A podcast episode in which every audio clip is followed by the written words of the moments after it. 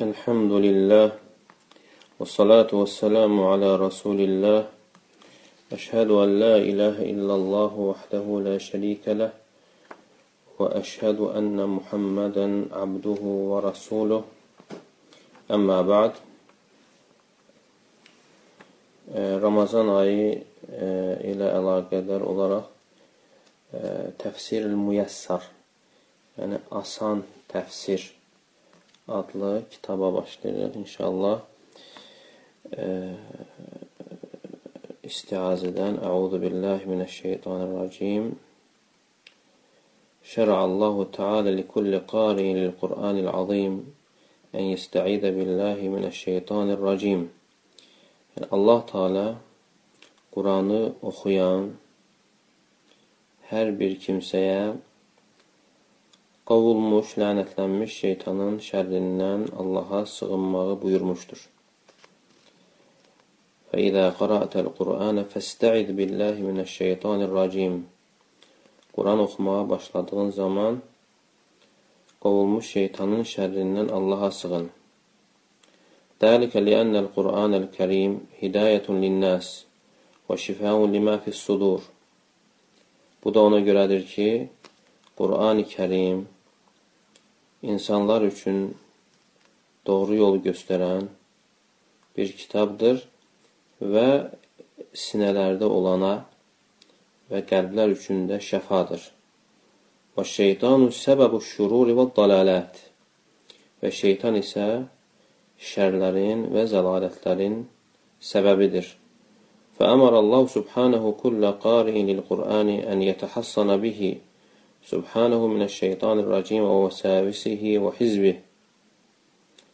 Allah Teala Quranı oxuyan hər bir kimsəyə əmr etmişdir ki, qovulmuş şeytanın şərrindən Allaha sığınsın, onun vəsvəsələrindən, onun dəstəsindən qorunsun. Və əcməl uləmə alə ənəl istiədətə leysət minəl Qur'anil kərim. Yəni, alimlər icma ediblər ki, yekdil görüşdədirlər ki, istiadə, Əudu billahi minəşşeytanirracim e, demək e, Qurandan deyildir. Və lihədə ləm tüqtə fil masahib və Qurandan olmadığı üçün e, mushafda, kitabda yazılmamışdır. Və mə'nə əudu billah Əudu billah sözünün mənası əstəciru və ətəhassanu billahi vəhdəhu. Əstəciru qorunuram və tək Allaha sığınıram. Minəş-şeytan şeytandan ey min kulli atin mutəmərridin minəl cinni vəl ins. Hər bir e, azğın, e, inadkar cindən və insandan Allaha sığınıram yasrifunu an taati rabbi və tilavəti kitabihi o insan və cinlərdən ki, onlar məni Rəbbimə itaətdən və kitabını oxumaqdan yayındırırlar. Ar-racim sözünün mənası əl-matrud min rəhmətillah Allahın rəhmətindən qovulmuş deməkdir. Suratul Fatihə Fatihə surəsi Bismillahirrahmanirrahim rəhimli, mərhəmətli Allahın adı ilə. Suratul Fatihəti summiyyət hədihi surə bil Fatihə. Fatihə surəsi Fatihə adlanmışdır, yəni açan. Fatihə sözünün mənası açan deməkdir. Lənnəhu yuftətəhu bihə əl-Qur'anul Kərim. Çünki bu surə ilə Qur'an açılır, yəni Qur'an bu surə ilə başlanır. Və tusəmmə əl-məfəni. Və Fatihə surənin adlarından biri də Əl-Məfənidir, təkrarlanan. Ləənnəhə tuqrav fi kulli rəkə. Çünki Fatihə surəsi hər bir rəkatda oxunur. Və ləhə əsməun uxar və Fatihə surəsinin digər adları da vardır. Əbtədiyu qiraətəl Qur'ani bismillahi müstəinən bihi. Bismillah ə, Qur'anı Allahın adı ilə oxumağa başlayıram, Allahdan yardım istəyərək. Bismillahi Allah, Allah sözü Tabaraka və Teala'nın e, xüsusi adıdır. Əl-mə'bud bi haqqin dunə siva e, haqqı ilə ibadət olunan odur. Və huve ahassu əsmaillahi teala Allah adı Allah Teala'nın xas adı sayılır. Və la yusammə bihi gayruhu subhanə və bu adla başqası adlanmır. Ar-Rahman Zir-Rahmətil Ammə Ümumi rəhmət sahibidir. Əlləzi vəsiət rəhmətuhu cəmi'əl xalq Hansı ki, rəhməti bütün insanları əhatə etmişdir. Ar-Rahim bil müminin rəhimlidir, yəni möminlərə qarşı və huma ismani min əsmaihi taala və bunların ikisi də Rahman və Rahim də Allah Taala'nın adlarındandır. Yetadammanan isbat sıfatir rahmeti lillahi taala kema yaliqu bi celalihi. Və bu adların ikisi də e, Allah Taala'nın rəhmət sifətinin olmasını e, özündə əhatə edir. E, Allahın cəlalına layiq şəkildə. Elhamdülillahi Rabbil alemin. Həmd aləmlərin Rəbbi olan Allaha layiqdir. Allah, aləmlərin Rəbbi olan Allah həm də layiqdir.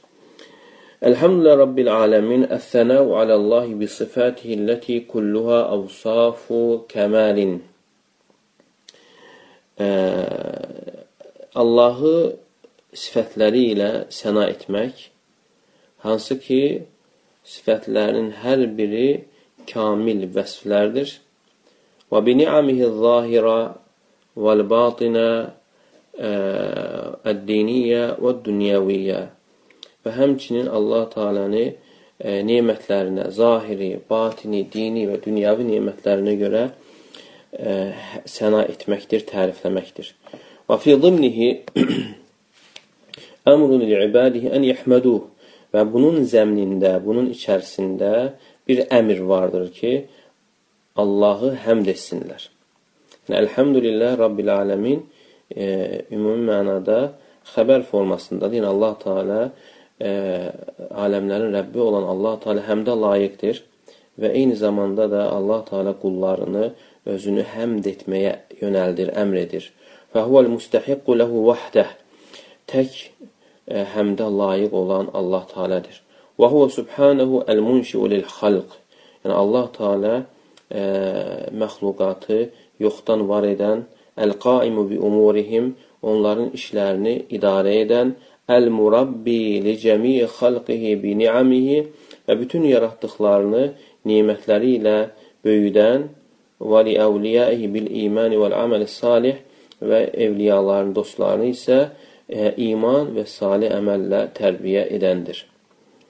Ar-Rahmanir-Rahim Rahman sözünün mənası, adının mənası Əlləzi vəsiət rəhmətuhu cəmiyyəl xalq rəhməti bütün e, məxluqatı əhatə edəndir.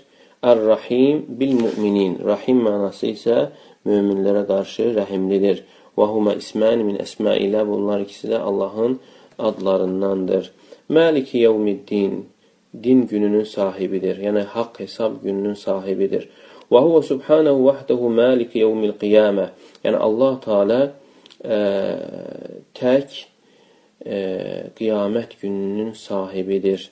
Və huve yevmul cəzai aləl a'mal. Və bu da din günü də, yəni əməllərə görə haqq hesaba çəkilmə günüdür. Və fi qiraatil e, Muslim li hadil ayə fi kulli rak'ati min salavatihi təzkiru ləhu bil yevmil əxir. Yəni, müsəlmanın bu ayəni hər rəkatda oxunmasında, namazın hər rəkatında oxunması ona qiyamət gününü xatırladır.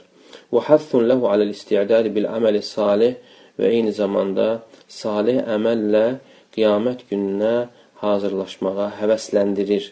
Vəl-kəf anil maasi və seyyət asiliklərdən və günahlardan çəkinməyə həvəsləndirir. İyyəkə nə'budu və iyyəkə nəstəin. 5-ci ayə. Yalnız sənə ibadət edir və yalnız səndən yardım diləyirik. İnnə nəxussuka vahdəkə bil ibadə.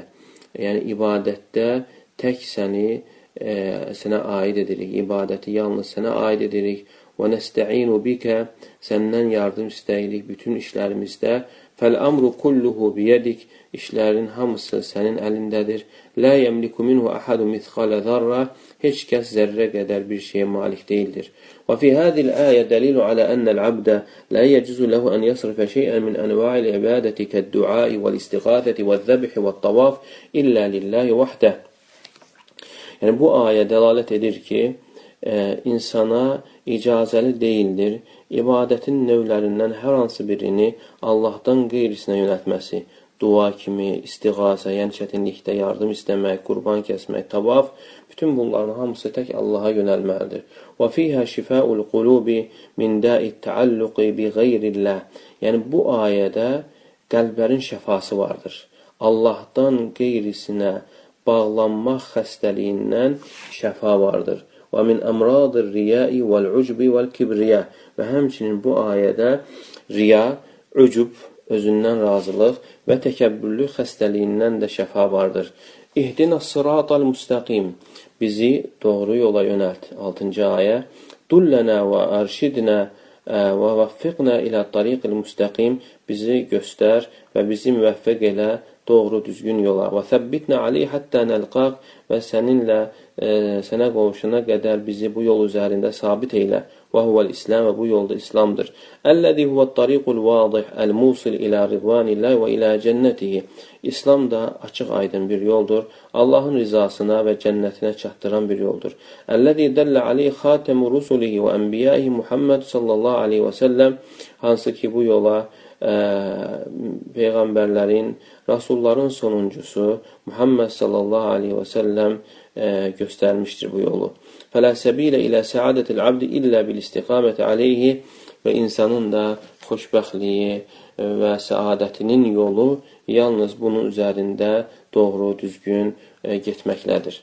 Sıratal ləzinə ən'amtə aleyhim qayril məğdubi aleyhim vələddallin nemət verdiyin kəslərin yoluna, qəzəbə düşər olanların və haqdan azanların yoluna yox. Tariqəl-ləzinə ən'amtə aleyhim. Nemət verdiyin kəslərin yoluna, peyğəmbərlər, siddiqlər, şəhidlər və salihlərin yoluna.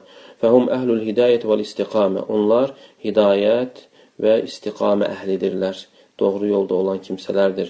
Və la tec'alna mimmen seleke tariqal məğdub aleyhim və bizi qəzəbə düşər olanların yoluna düşməkdən qoru.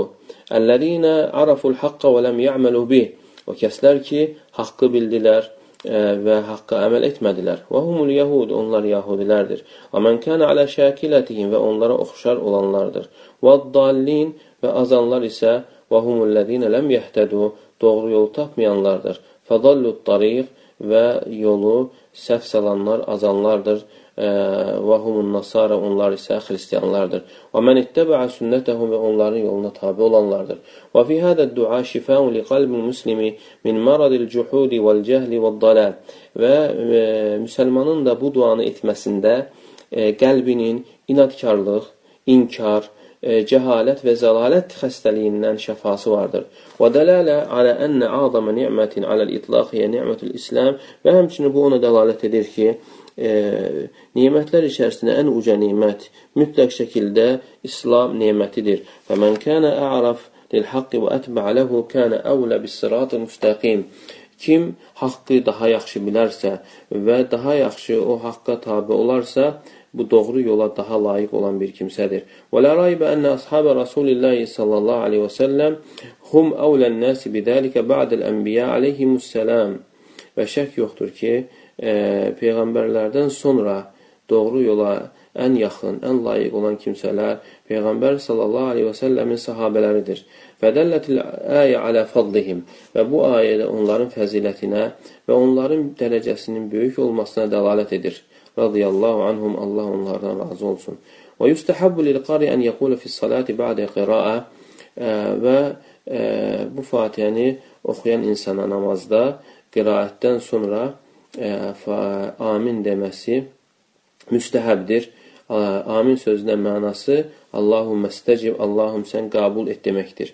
Və leysət əyə min suratil Fatihə və amin sözü də Fatihə surəsindən bir ayə deyildir. Alimlərin ittifaqına görə amin sözü Fatihədən bir ayə deyildir. Və lihədə əcma'u alə adəmi kitabətihə fil masahib və buna görə də icma ediblər ki, ə, ə, bu mushafda yazılmaz. Amin sözü Quran kitabında yazılmır. İxlasla.com saytı tərəfindən təqdim olundu.